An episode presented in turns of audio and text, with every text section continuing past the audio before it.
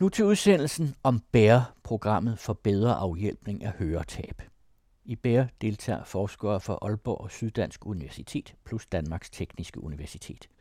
Høreklinikker på Aalborg, København og Odense Universitetshospitaler er med, og det teknologiske institut Delta indgår, og ikke mindst de tre store virksomheder Videx, GN Resound og Oticon.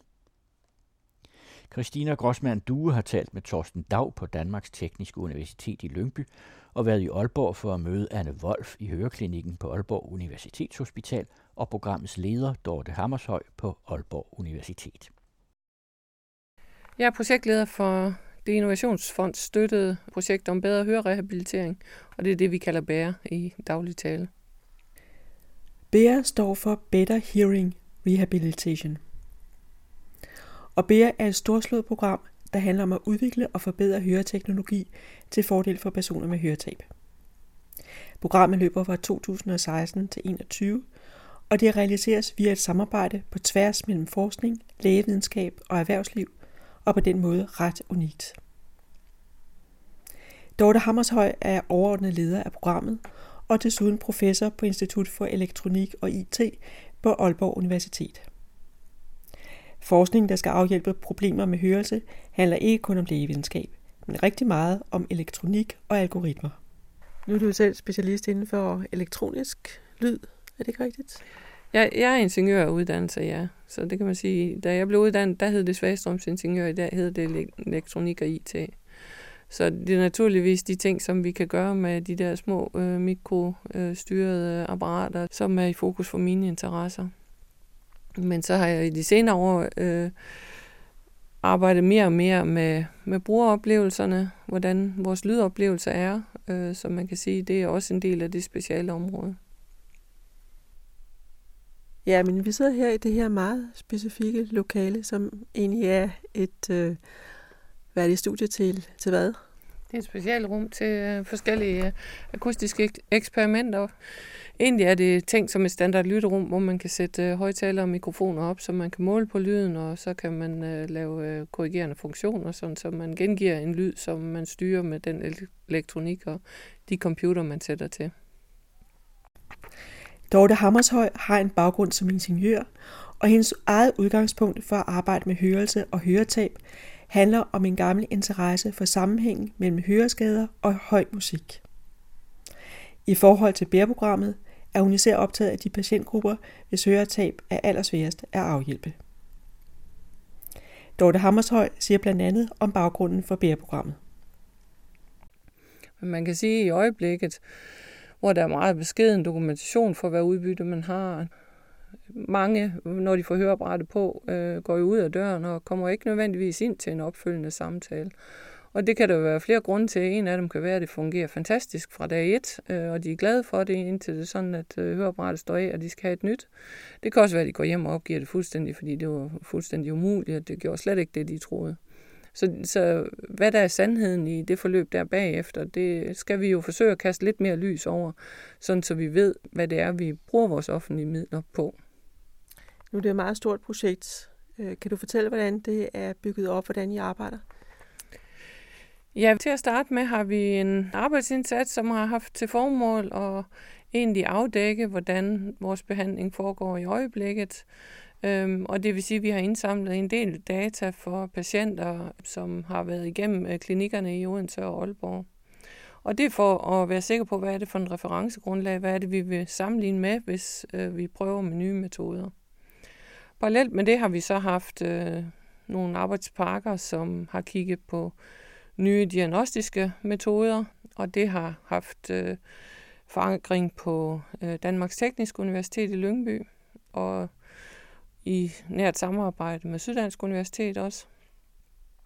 Og så har vi haft øh, en indsats, som har fokuseret på at vurdere udbyttet af behandlingen. Så det vil sige dels at kigge på, hvad øh, patienter selv rapporterer omkring deres oplevelse, men også at lave nogle egentlige tests, som giver nogle mål for, hvor godt man hører, når man har fået sine høreapparater på. Lige midt i projektet nu, hvor vi skal til at kigge på nogle nye tilpasningsstrategier, Vi har de tre store høreapparat virksomheder, øh, Oticon, GN Hearing og Videx Evantix øh, Audiology med i projektet. Og de arbejder aktivt ind omkring nogle af de idéer, som vi udvikler, sådan så vi kan få dem bragt i spil i, i klinikkerne. Og hvor ligger Danmark hen i, øh, i forhold til international forskning på høreområdet? Danmark ligger fint i forhold til international forskning på høreområdet øh, i kraft dels af nogle specifikke centre. Især er der en gruppe på DTU, der hedder Center for Applied Hearing Research, som omverdenen kender ret godt. Så er det jo så de tre store hørebræt virksomheder, som også er meget store spillere på det internationale plan. Men vi har måske hængt lidt bagefter i forhold til at få den kliniske forskningsaktivitet med. Så mange af de studier, vi har foretaget, har måske været tungest i forhold til nogle specifikke tekniske specialiteter, og ikke været i samme omfang afprøvet for større patientpopulationer. Og det er en af de ting, som vi prøver at indfri ved, ved samarbejde i bæreprojektet. Formuleret meget overordnet, så har bæreprogrammet fire store elementer. Det første er kortlægning af typer høretab via nye test. Det andet er tilpasning af høreteknologi eller høreapparater, især til nye, men også til erfarne brugere. Det tredje er en evaluering af, hvordan høreapparaterne hjælper eller ikke afhjælper høretab.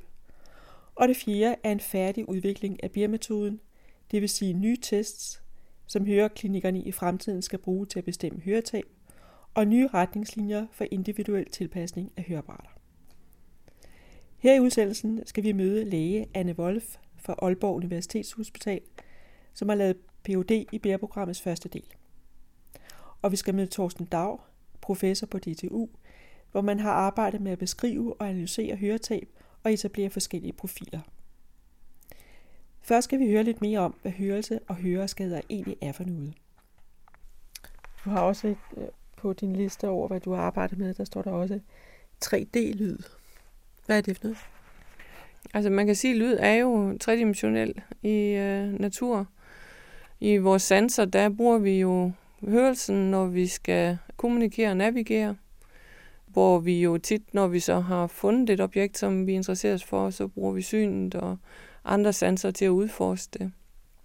Men hvis vi for eksempel, hvis der er en fare bagfra, altså vi har jo reelt tredimensionel hørelse og kan høre lyd, der kommer bagfra, også selvom vi ikke kan se objektet.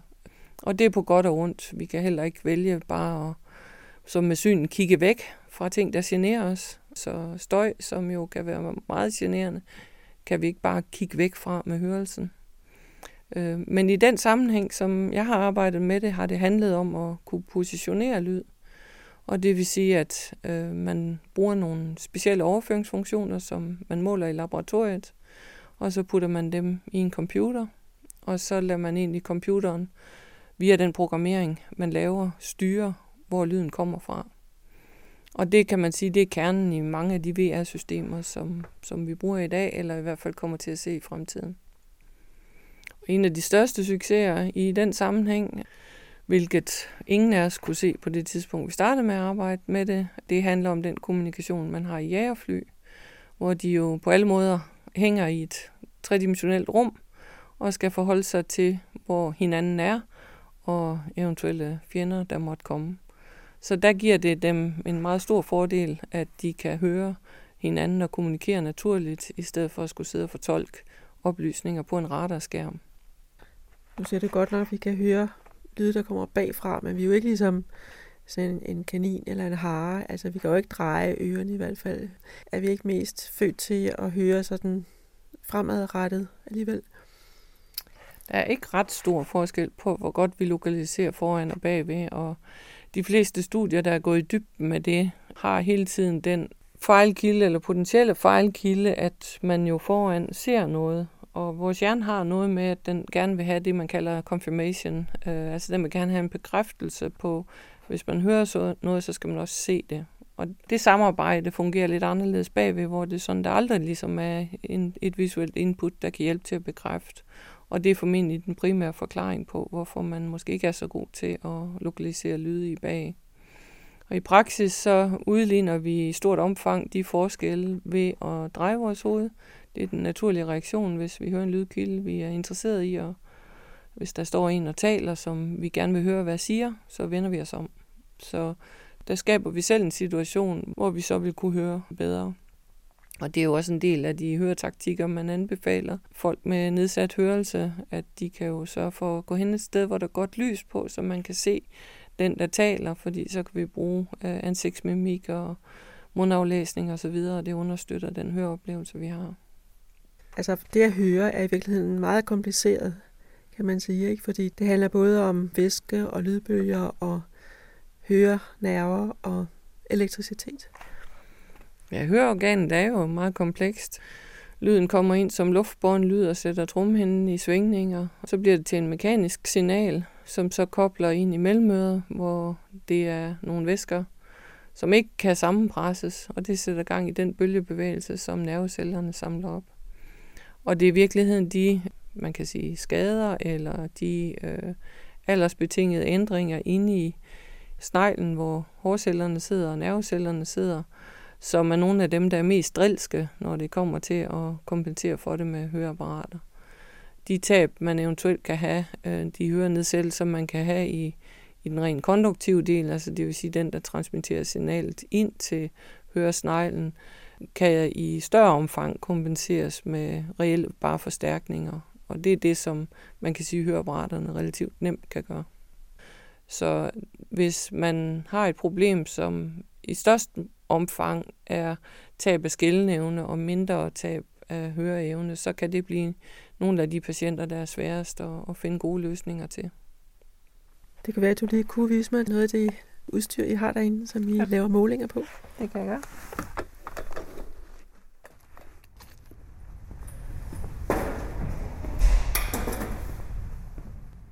Nu står vi her foran en øh, mannequin, hedder det vel, af plastik.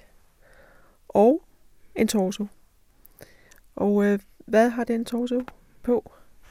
Ja, torsoen og, og mannekingen har et øh, specielt udstyr på, som man bruger til at måle, øh, hvad der kommer ind i øret på en hørebræt bruger. Det vil sige, der sidder en ligesom en bøjle, der sidder op omkring øret, og så er der sådan en lille måleenhed, som har en lille silikoneslange, som går ind i øret, og den lægger man ind øh, ved siden af, af høreapparatet, sådan så den faktisk måler på lyden inde bag ved høreapparatet. Og det er jo en af de ting, som man kan sige, høreapparaterne, de er jo styret, det er små computere, de er, er små mirakelmaskiner, der kan programmeres til at, at forstærke lyd på rigtig mange måder. Men det output, de leverer ind i øret på brugeren, afhænger lidt af den specifikke geometri, man har i ørekanalen. Så har man en lille snæver ørekanal eller et stort øh, rør, det gør faktisk en forskel for den specifikke forstærkning, som man opnår med høreapparatet. Så vi er bygget forskelligt også i, i ørerne? Vi er bygget forskelligt inde i ørerne, ja. Og, og derfor så fungerer høreapparater lidt forskellige på forskellige brugere, selvom de egentlig er programmeret ens. Man kan sige med hørelsen, at, at aldersændringerne, de starter allerede omkring de 25 år. Så det er ikke sådan, at man skal være 60 eller 70 eller 80, før der allerede er forandringer i hørelsen, som man kan påvise med høretest. Og når man skal lave foretage vurderingen af, om man har en høreskade i forbindelse med sit erhverv, så den, der skal foretage vurderingen, skal faktisk gå ind og sammenligne ens hørelse med en standard, som har normalværdier for hver dekade. Så er man i 20'erne, så er der nogle data for mennesker i 20'erne. Er man i 30'erne, så er der nogle data for mennesker i 30'erne og 40'erne osv. Så de forandringer, som man mærker sent i livet, de har faktisk været meget lang tid undervejs. Dorte Hammerhøjs personlige vej ind i forskningen omkring hørelse og høretab var en interesse for sammenhæng mellem høreskader og høj musik. Taler man om høreskader i den yderste del af øret, hvor lyden transporteres ind, kalder lægevidenskaben det for konduktiv hørenedsættelse. Derimod, hvis der er høreskade helt inde i det indre øre, hvor lyden formidles videre til hjernen, handler det om nedbrud af nerveceller, såkaldt neurogen hørenedsættelse. Det er en af de ting, som man tit hører øh, folk sige til de her unge mennesker, som måske lytter lidt for meget til musik. Så siger de, at du skal huske at få testet din hørelse og snakke med din audiolog om det. Og der er ligesom to ting i det, som måske ikke er ideelt. Det første er, at de forandringer, som sker i vores hørelse, dem kan man ikke se i den standard høretest, man foretager. Og for det andet, så kan man jo ikke gøre noget ved det. Tabt er tabt. Så det er sådan lidt en, øh, en falsk tryghed, at man tit går til sin ørelæge, fordi øh, det, at man får test, det hjælper jo ikke rigtig noget. Anne Wolf har arbejdet med den kliniske database i BER-programmet. Hun har skrevet Ph.D. om, hvordan tilpasning af høreapparater giver bedre livskvalitet. Anne Wolf er læge i høreklinikken på Aalborg Universitetshospital, og hun siger om hørelse og høretab. Der er enormt meget øh, arvelighed i, hvor god man er til at høre. Men også mange af vores erhverv har øh, traditionelt haft en høj støjeksponering, hvor man ikke har passet på sin hørelse. Og øh, det betyder, at øh, de erhverv, som har været meget støjende, jamen, de har givet nogle høreskader, som har konsekvenser, ikke lige når man får dem, men om 5, 10, 20, 30 år.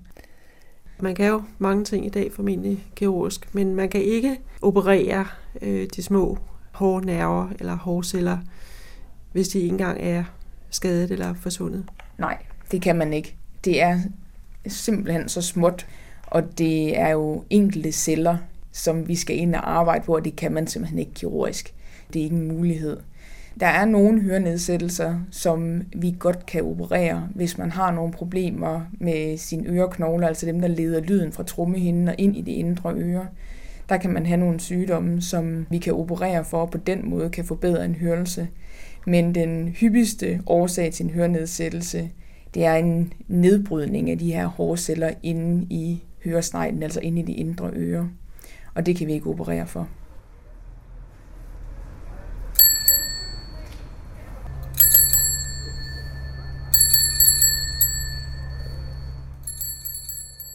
Hvis man ikke hører særlig godt, jamen, så hører man heller ikke, at bilerne kommer. Man hører heller ikke, at øh, cyklerne kommer. Man hører måske ikke den ringeklokke, fordi ringeklokker har jo en lidt høj tone. Det er jo sådan en diskant lyd, der kommer ud af en ringeklokke. Og det er jo der, hvor de fleste har deres høretab. Så når der bliver ringet med en klokke bagved, er det ikke sikkert, at man, hvis man ikke har sine høreapparater på, eller man endnu ikke har høreapparater, at man hører den klokke. Og så kan man blive overrasket, når der kommer nogen på ens venstre side, der lige pludselig overhaler i, i høj fart, og man ikke har haft tid til at placere sig rigtigt på cykelstien. Så for nogen, der er hørehæmmede, der kan det også være, der kan det blive overraskende at gå rundt øh, i trafikken, fordi man ikke har sin hørelse til at navigere med. Øh, og når, som normalt hørende er man ikke altid sådan bevidst om, hvor meget man egentlig bruger sin hørelse til at navigere med. Folk de går efterhånden med hovedet nede i deres telefon, når de går på gaden, og det gør også, at de ikke er så opmærksomme. Så derfor så bliver man også dårlig hørende, hvis man går og kigger ned i sin telefon. Altså jeg kan det selv se, når jeg går rundt i, på gader og stræder og i byen.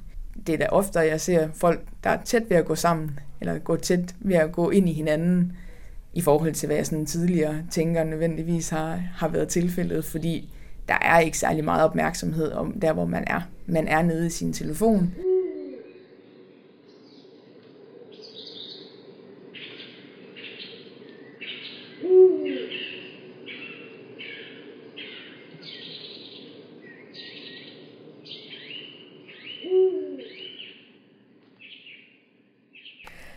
I forhold til skader på hørenerver, kunne man som menneske ønske sig at have fugl. Ikke alene har fugle mange flere hørenerver i det indre øre. Når der opstår skader på dem, kan fugle også selv regenerere hårstrå eller høreceller. I bærprogrammet samarbejder Aalborg Universitet både med Syddansk Universitet og med Danmarks Tekniske Universitet i Lyngby, hvor Thorsten Dag arbejder intenst med test og analyser af høretab. Hvis folk taber deres syn, så siger de fleste, at oh, det er forfærdeligt, det er det værste. Så tager man faktisk kontakt til de forskellige ting. Det er nok rigtigt. Men hvis vi taber vores hørelse, hvad er der så? Så taber vi vores forhold til menneskerne. Og det er jo endnu værre, vil jeg sige. Og så er der far for, at man bliver isoleret, og det er faktisk også en risikofaktor for demens. Og det har øh, kæmpe konsekvenser, som man tidligere ofte har undervurderet. Og vi kan ikke umiddelbart reparere det, som i fugle. Fugle de kan regenerere deres hårceller. Man prøver, har prøvet i 20, 30, 40 år nu at skabe sådan noget i mennesket. Det lykkes ikke, så vi kan ikke indtil videre i hvert fald reparere de her hårceller. Du siger, at fugle kan regenerere ja. deres hørelse. Er der nogen pattedyr, der kan det? Det mener jeg ikke indtil nu. Jeg tror, man... Øh, jeg ved ikke, hvor, hvor langt man er kommet lige nu, men øh, så vidt jeg ved, er det nok fuglene, hvor man har vist det, og derfor var det faktisk for 20 år siden en stor begejstring, for det er jo også øh, optimisme. Man kan nu finde løsen, øh, løsningen frem altså i, øh, i menneskerne, fordi ja, hvis man kan gøre det, så har man løst en, en stor del af problemet, men det kunne man ikke endnu. Høreskader og høretab er kompliceret. De fleste ved, at man kan miste hørelse ved pludselig høj støj fra fyrværkeri, skud eller en eksplosion, og også at vi mister hørelse som en del af aldringsprocessen. Men ikke alle ved, at der opstår høreskader, når vi måske ubemærket arbejder i et miljø af støj eller lytter til høj musik. Nogle af de skader kaldes for skjult høretab, hidden hearing loss. De er skjult, fordi de ikke umiddelbart bliver synlige gennem en klassisk høretest med enkeltoner og frekvenser. Hidden hearing betyder, det er hidden, fordi de problemer, de kan ikke aflæses i den der ren tonaudiogram. Og nogen har faktisk helt normalt hørekurve, men alligevel klager over problemer øh, i støj. Klassiske problem. Og så siger selvfølgelig lægen, siger, jamen altså, du har ikke noget, bare gå hjem. Men når man laver forsøg med øh, støjeksponering i mus for eksempel, eller også andre, Øh, så har man to timer støjeksponering. Det er selvfølgelig lang, men heller ikke ekstremt lang. På 100 dB, det er også højt niveau, men ikke utrolig højt, fordi øh, rockkoncert har bestemt 100 dB, 120 dB, eller hvis du er i parken og er sammen med 40.000 andre tilskuere, og der øh, FCK scorer, altså, så er der også 100 dB øh, tæt på dig. Hvis man har så de to timer støjeksponering med 100 dB høj, lydniveau, så har du øh, nogle timer, eller måske en dag, har du også øh, mindre sensitivitet, så du kan høre, du er lidt mindre sensitiv. Men det forsvinder. Efter nogle dage kommer den der hørtasken tilbage til det normale øh, niveau. Og så siger man, fint nok. Problemet er, at man har fundet ud af, at man har faktisk set, at der er skader i hørnæven, og det afspejles ikke i den der tærstel. Men det afspejles i mere komplekse situationer. Du kan godt klare det med øh, at høre uh, toner i ro, men uh, du har faktisk brug for en, en intakt uh, hørniveau, så snart du er uh, i en uh, realistisk verden. Især når du er sammen med andre, og ikke alene i køkkenet. Problemet er, at hvis du har den her store eksponering en eneste gang, altså i de der dyr, to timer, så, uh, så kan du ikke uh, regenerere de der hårceller. Og det kan man heller ikke i menneskerne. Hvis hørnæven er gået i stykker, så er den gået i stykker. Der forskes meget på DTU sammen med andre udenlandske partnere i det at afkode og bestemme typer af skjult høretab og høretab i det hele taget. Derfor er opgaven igen at skabe tests, lytteforsøg eller EEG-forsøg, hvor man måler elektriske signaler, så man kan øh, måle faktisk fra øh. Så har vi forstået mere, og så kan vi også overveje, hvad gør vi med den viden, fordi vi ved, at jeg forstår, forstærkning har vi måske, er der ikke så meget brug for i, i de her tilfælde, hvor du har faktisk en vis sensitivitet til lyden, men hvad skal vi så gøre for at gøre det mere tydeligt igen, eller for at hjælpe folk med uh, de her problemer i, i støjfyldte omgivelser? Så der er selvfølgelig lidt mere grundlæggende eller forskningsmæssigt øh, vigtigt, men det er også vigtigt for strategier senere. I bæreprogrammets første del har ca. 2.000 patienter deltaget i undersøgelser på høreklinikker i Odense og Aalborg. Det har især været personer, som skal starte som brugere af høreapparater, men også en gruppe, der er erfarne og har haft høreapparat i mere end fire år. På DTU er der gennemført masser af lydtest for at udvikle metoder til at måle og bestemte profiler af høretab. Derefter handler det om at udvikle og matche høretabet med en høreteknologi eller et høreapparat, som virker. Vi har været på DTU øh, fokuseret på at karakterisere øh, høreprofilen i hver person, øh, og vi har prøvet at finde ud af, hvilke tests er kritiske øh, for at virkelig øh, beskrive de forskellige konsekvenser, et bestemt høretab har.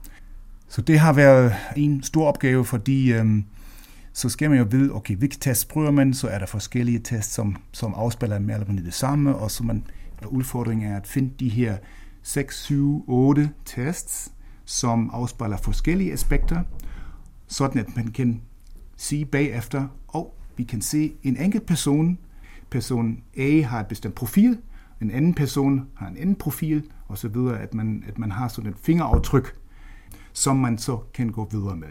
Og selvfølgelig med tests, som vi mener kan etableres også i en klinisk sammenhæng senere. Det er også noget. Vi kan ikke komme med test, som tager uh, to timer. Uh, så, så er det bare for langt.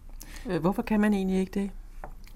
Det er uh, dyrbart. Det, det, det koster mange penge at, at uh, ansætte folk, som mm, laver de her tests, og hvis det er 5, 6, 7 tests, uh, som hver for sig tager så lang tid, så, så er det mm, svært at argumentere og betale for det. Men Øh, stadigvæk er det sådan, øh, at øh, faktisk inden vi kommer til den konklusion, skal vi jo alligevel under alle omstændigheder bevise, at der er nogle nye tests, som virkelig beviser, at vi har lært noget, og at vi kan udnytte den viden til at optimere vores høreapparater. Det at skabe en god kompensation for nedbrudte hørenerver i det indre øre er vanskeligt. Her er det ikke nok med høreapparater, som forstærker lyd. Forestil dig, at du har 100 personer, og de er typisk, de, de fleste har det ok ved lave frekvenser, 250 Hz, 500 Hz, også 1 kHz. Men så går det, typisk taler man så sensitiviteten med alderen også, med de høje frekvenser. Men så har, lad os sige, 100 har mere eller mindre den samme hørekode, som er så ret typisk. Hvis vi nu kommer med den samme forstærkning ved de høje frekvenser til alle, så er der 30 af dem er glade, men måske 60 ikke i de samme situationer, fordi der er også andre konsekvenser af hørtabet, som ikke afspejles af de her audiogrammer. Skal egentlig forstærke de, de lave lyde, men ikke så meget de høje, sådan at vi faktisk effektivt øh, kommer med en slags kompression. Og det har mening, det laver høreapparater, Problemet er bare, hvis man gør det, som vores sunde hører gør, på en meget kort tidsbasis, nemlig instantan faktisk, så betyder det automatisk, at man introducerer nogle forvrængninger, og øh, man kalder det ikke-lineariteter, så komplekse konsekvenser, som vi egentlig ikke gerne vil høre, fordi det har andre konsekvenser. Så man kan ikke bare lige kompensere så nemt med høreapparater. Så øh, fra viden eller noget viden om høretab til en teknologi, som kompenserer for de her forskellige slags øh, årsager eller problemer, det er alligevel nok en udfordring. Og det udforsker vi, og der har DTU også været meget involveret. Udviklingen af ny høreteknologi skal et integreret samarbejde på tværs af alle partnerne i BR-programmet, fortæller Thorsten Dag. Der er holdt workshops på DTU med deltagere fra høreklinikkerne i Aalborg, Odense og København, medarbejdere fra Aalborg og Syddansk Universitet og fra det teknologiske institut Delta og de store virksomheder Oticon, GN Resound og Videx. Efter dokumentationen af patientgrupper med forskellige høreprofiler, hvordan kommer man så videre med udvikling og tilpasning af høreapparater? Øh, person A eller B eller C eller D afspejler forskellige behov, og det har vi karakteriseret, men hvad betyder det konkret? når vi nu kommer med et høreapparat, hvad skal vi gøre med det her høreapparat for at hjælpe person A versus B versus C versus D.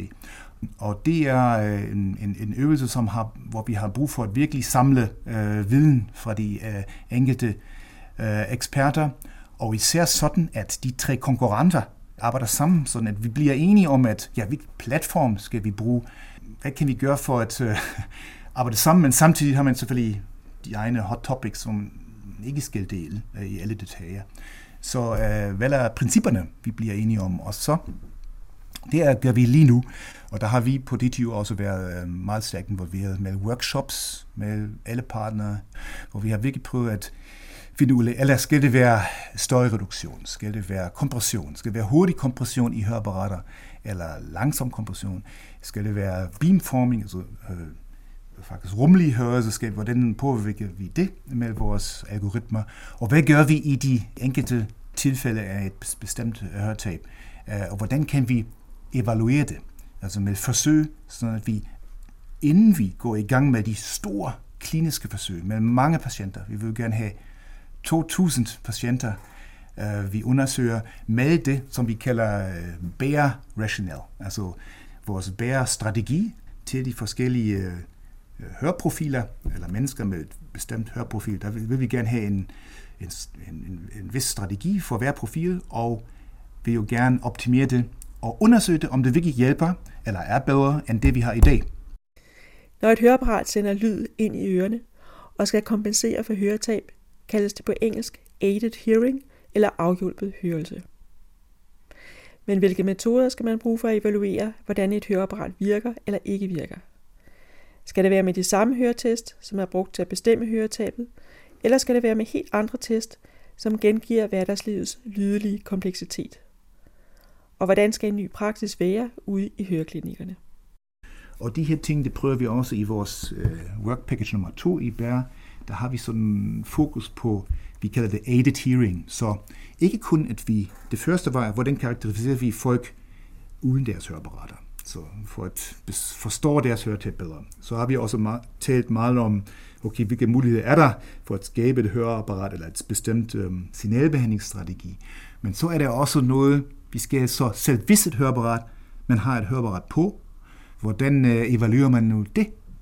Og hvilke tests bruger man der?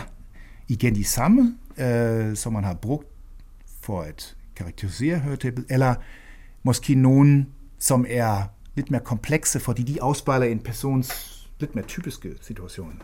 For eksempel, øh, øh man har sådan rum forskellige højtaler, og der er forskellige taler, og man skal fokusere på en og skal genkende tale. Eller man skal sige, hvor mange kilder der er i et bestemt rum. Eller om man kan identificere nogle kilder, om det nu er øh, øh, vandfald, eller øh, nogle dyr, eller altså lydidentifikation. Og øh, så kan man også måle øh, listening effort, så hvor anstrengt det er egentlig at øh, følge en konversation.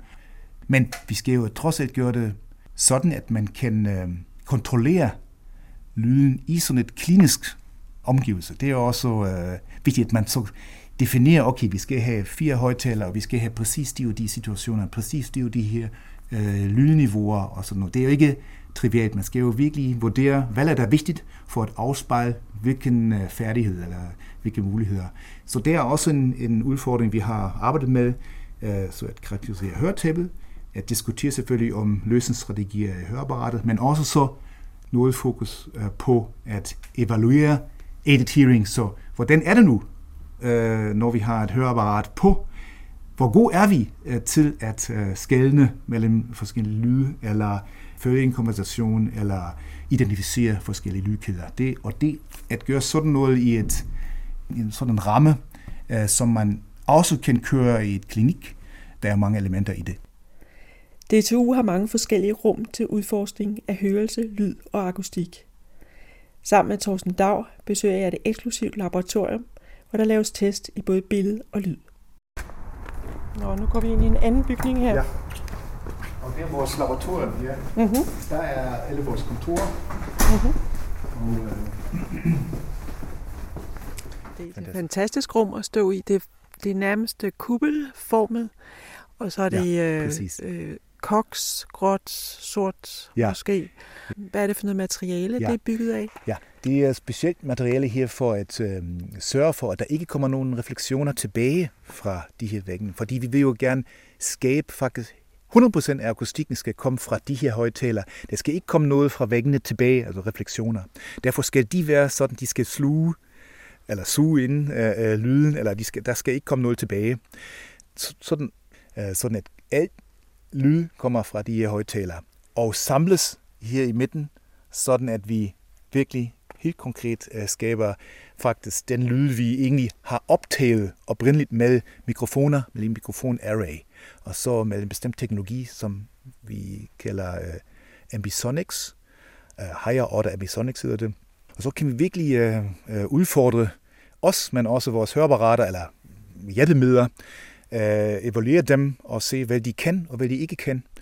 Det, vi kalder det Audiovisual Immersion Lab, så det vil, det vil sige, når du sidder her på den her stol, og jeg uh, i gang sætter den der uh, demonstration, så kan du øh, faktisk høre en, en akustisk scene på en restaurant, en kirke.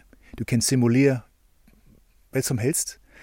Øh, en realistisk situation, hvor som helst, øh, og kan reproducere øh, den situation her i laboratoriet. Det gør vi via de her 64 højtaler, og de simulerer faktisk det realistiske lydfelt her omkring dit hoved, eller vores hoved, når vi sidder her på den historie. Så det er, vi kalder det sweet spot.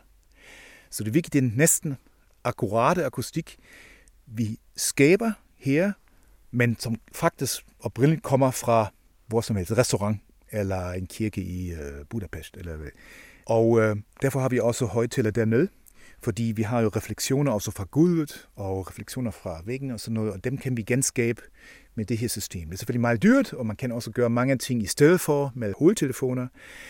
Men hovedtelefoner er et problem med høreapparater. Hvis du har høreapparater, og så har du høretelefoner på, så kommer der alle mulige øh, interaktioner. Det vil vi ikke have. Vi vil gerne have frifelt. Øhm, og derfor øh, laver vi her mange lytteforsøg faktisk i, altså selvfølgelig i laboratoriet, men med lyd, som er komplekst og afspejler realistiske scenarier.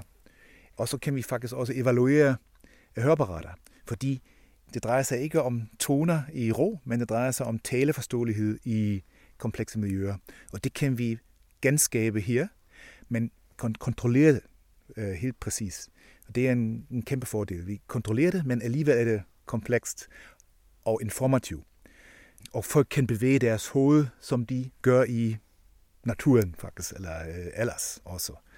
Så det er fantastisk. Og her laver vi også EEG-forsøg, hvor vi måler hjernens respons til lyd, og vi laver de ting, vi snakkede om før. Øh, hvordan kan vi styre et høreapparat øh, via fokus og øh, opmærksomhed. Øh, det kan vi også gøre her med elektroder på, for eksempel øh, på hovedet, øhm, og hvor vi afspiller, for, afspiller forskellige scener for forskellige retninger, forskellige personer, og så fokuserer på A eller B, og så kan vi se, hvad er hjernens respons, og hvordan kan vi koble det tilbage til vores høreapparat og forstærke den, vi gerne vil øh, høre, den person eller den kilde. Og det er, det er fantastisk. Og nu laver vi faktisk også, derfor kalder vi det Audiovisual Immersion Lab, AVIL, øh, fordi nu øh, kobler vi også faktisk øh, sådan noget virtual reality på, og tilføje fører, øh, nogle øh, forskellige visuelle scenarier, som enten passer eller passer ikke sammen med den lyd, vi producerer igennem højtalerne. Og så kan vi også undersøge, uh, hvordan uh, visuel og akustisk information spiller sammen. Gulvet, det er sådan ligesom et, et net. Man ja. har lidt sådan fornemmelse af, at man står på en trampolin, eller sådan lidt gyngende grund. Ja. ja, grunden til det er, at man uh, gerne vil høre også faktisk den lyd, som kommer nedfra, øh, og det er de der højtaler, som sørger for, at man faktisk simulerer refleksioner fra gulvet, som er også vigtige. Og øh, derfor skal man have sådan et guld, øh, som er transparent for akustik, så de der øh, bøger, de kommer igennem, så de påvirker ikke så meget øh, akustikken. Øh, men så har vi alligevel øh, adgang faktisk til de, de der øh, lydkilder derfra. Så vi står faktisk her i midten af det hele, øh, hele rummet. Det går her 5 meter og så ned, og 5 meter op. Øhm, og vi er virkelig i midten, og så kan så øh, simulere også, hvis du nu hvis du har lyd fra, fordi du går igennem et rum, og så, så, kommer, så kan vi også simulere det i den her situation, og så der skal vi bruge øh, de her højtalere nedefra. Øh, og de skal jo komme igennem. Hvis vi har et hård øh, guld, så kunne vi ikke simulere det. Så det er ligesom at stå i et æg? Ja, det er et stort æg. Ja, det kan man sige. Ja. Ja. Det vi gør her er ja, fantastisk, men, men øh, det er akustisk øh, fokuseret. Mens i virkeligheden, øh, i den virkelige verden, kommunikerer vi jo med alle vores sensorer. Mm. Så vi, har, vi ser, hvad der foregår. Vi kombinerer informationen. Vi kigger på munden eller mm. dine øjne, når du taler, og det faktisk er informativt. Og det har vi ikke her. I hvert fald ikke så længe vi ikke tilføjer vores, øh, den visuelle information via de her uh, virtual reality glasses. Og så øh, har vi her Ja, det er nu, tidligere var det, der havde jeg lyttebokse her, mm-hmm. og også der, hvor nu er toiletterne der, der havde jeg tre lyttebokse, så startede jeg det hele her. Og nu har vi øh, igen de her, den her funding. Ja, vi kalder det Communication Lab. Der har vi også lyttebokse her og her, mm-hmm. og så kan faktisk kommunikere med hinanden. De prøver faktisk i, i øh, der har de en opgave der og der, og de, øh, de taler med hinanden, mm. og de skal løse en opgave sammen. Og så, så prøver vi at, at undersøge den måde, de kommunikerer med hinanden i en bestemt opgave, og som funktion også af hørtape og sådan noget. Altså der, der er nogle, nogle ting, vi kan gøre her, som har, derfor kalder vi det Communication Lab. Så det drejer sig mest om telekommunikation, løse en opgave, men hvordan, hvor hurtigt taler de, hvor højt taler de, og hvordan reagerer de på hinanden, også som funktion af støjniveauet i baggrunden, og så, øh, og som funktion af hørtabet, fordi der er bestemte karakteristikker eller bestemte ting, som ændrer sig med hørtab, men som ændrer sig også med, hvor, hvor meget øh, irriterende baggrundsstøj er. Øh, så det, har, det påvirker, øh, hvordan vi løser vores opgaver, og især i dialog. Så det er også nogle elementer, der vi kigger på. Også med testpersoner? Ja, med ja. testpersoner, altid. Og det kan man normalt høre testpersoner, men tit er det selvfølgelig øh, hørehæmmede, vi kigger på. Kortlægning af høretab er altså én ting, og målemetoderne til at gøre det noget andet. En tredje ting er at udvikle høreapparater til de forskellige typer brugere. En fjerde at det at tilpasse høreteknologien individuelt. Og en femte handler om at evaluere brugen af og tilfredsheden med et høreapparat. Alle fem aspekter er integreret i den nye strategi, den såkaldte BEAR-metode, som programmet udvikler, og i 2020 og 2021 skal afprøve på en ny gruppe af ca. 2.000 patienter. I 2020 får vi travlt. Der kommer vi til at arbejde med nogle af de nye metoder, og det er lidt for tidligt at sige, hvad det kommer til at, at omfatte, og hvad for nogle resultater det giver. Men det er sådan ligesom fase 2 af projektet. Nu har vi styr på vores reference i hvert fald et eller andet omfang, og nu kan vi begynde at, at sætte nogle af de nye metoder i spil, og så se om, om de forbedringer, man eventuelt kan opnå ved det, om, om de er det værd. Så i fremtiden, øh, nye brugere, når de går til lægen og skal have høretest og høreapparat, er det så nogle helt andre test og en helt anden form for høreapparatsbehandling, man kan vente sig? Det bliver ikke helt andre øh, test, øh, man kan vente sig. Øh, tværtimod så gør vi jo alt, hvad vi kan for at få det mest ud af de test, som man allerede kender, og som alle i branchen bruger. Øh, så der kan også være nogle kompromiser, der handler om at bruge nogle af de test, man allerede laver på nye måder, hvis de giver os måske 80% af den gevinst, som vi kunne have fået ved at lave en, en helt øh, radikalt anderledes test. Men jeg håber på, at projektet kan være med til at bidrage til, at øh, vi får en højere grad af dokumentation for, hvad for en udbytte patienterne får, øh, og så med tiden får opbygget så meget øh, erfaringsgrundlag, at man ved, hvad for nogle metoder, der, der har potentiale til at blive integreret på længere sigt. Du har lyttet til den anden radio, udsendelsen Bæreprogrammet om bedre afhjælpning af høretab. De medvirkende var Dorte Hammershøj, leder af Bæreprogrammet, professor på Institut for Elektroniske Systemer på Aalborg Universitet, Torsten Dag, sektionsleder, professor på Institut for Sundhedsteknologi DTU, og Anne Wolf, reservelæge og Ph.D.-studerende på Aalborg Universitetshospital.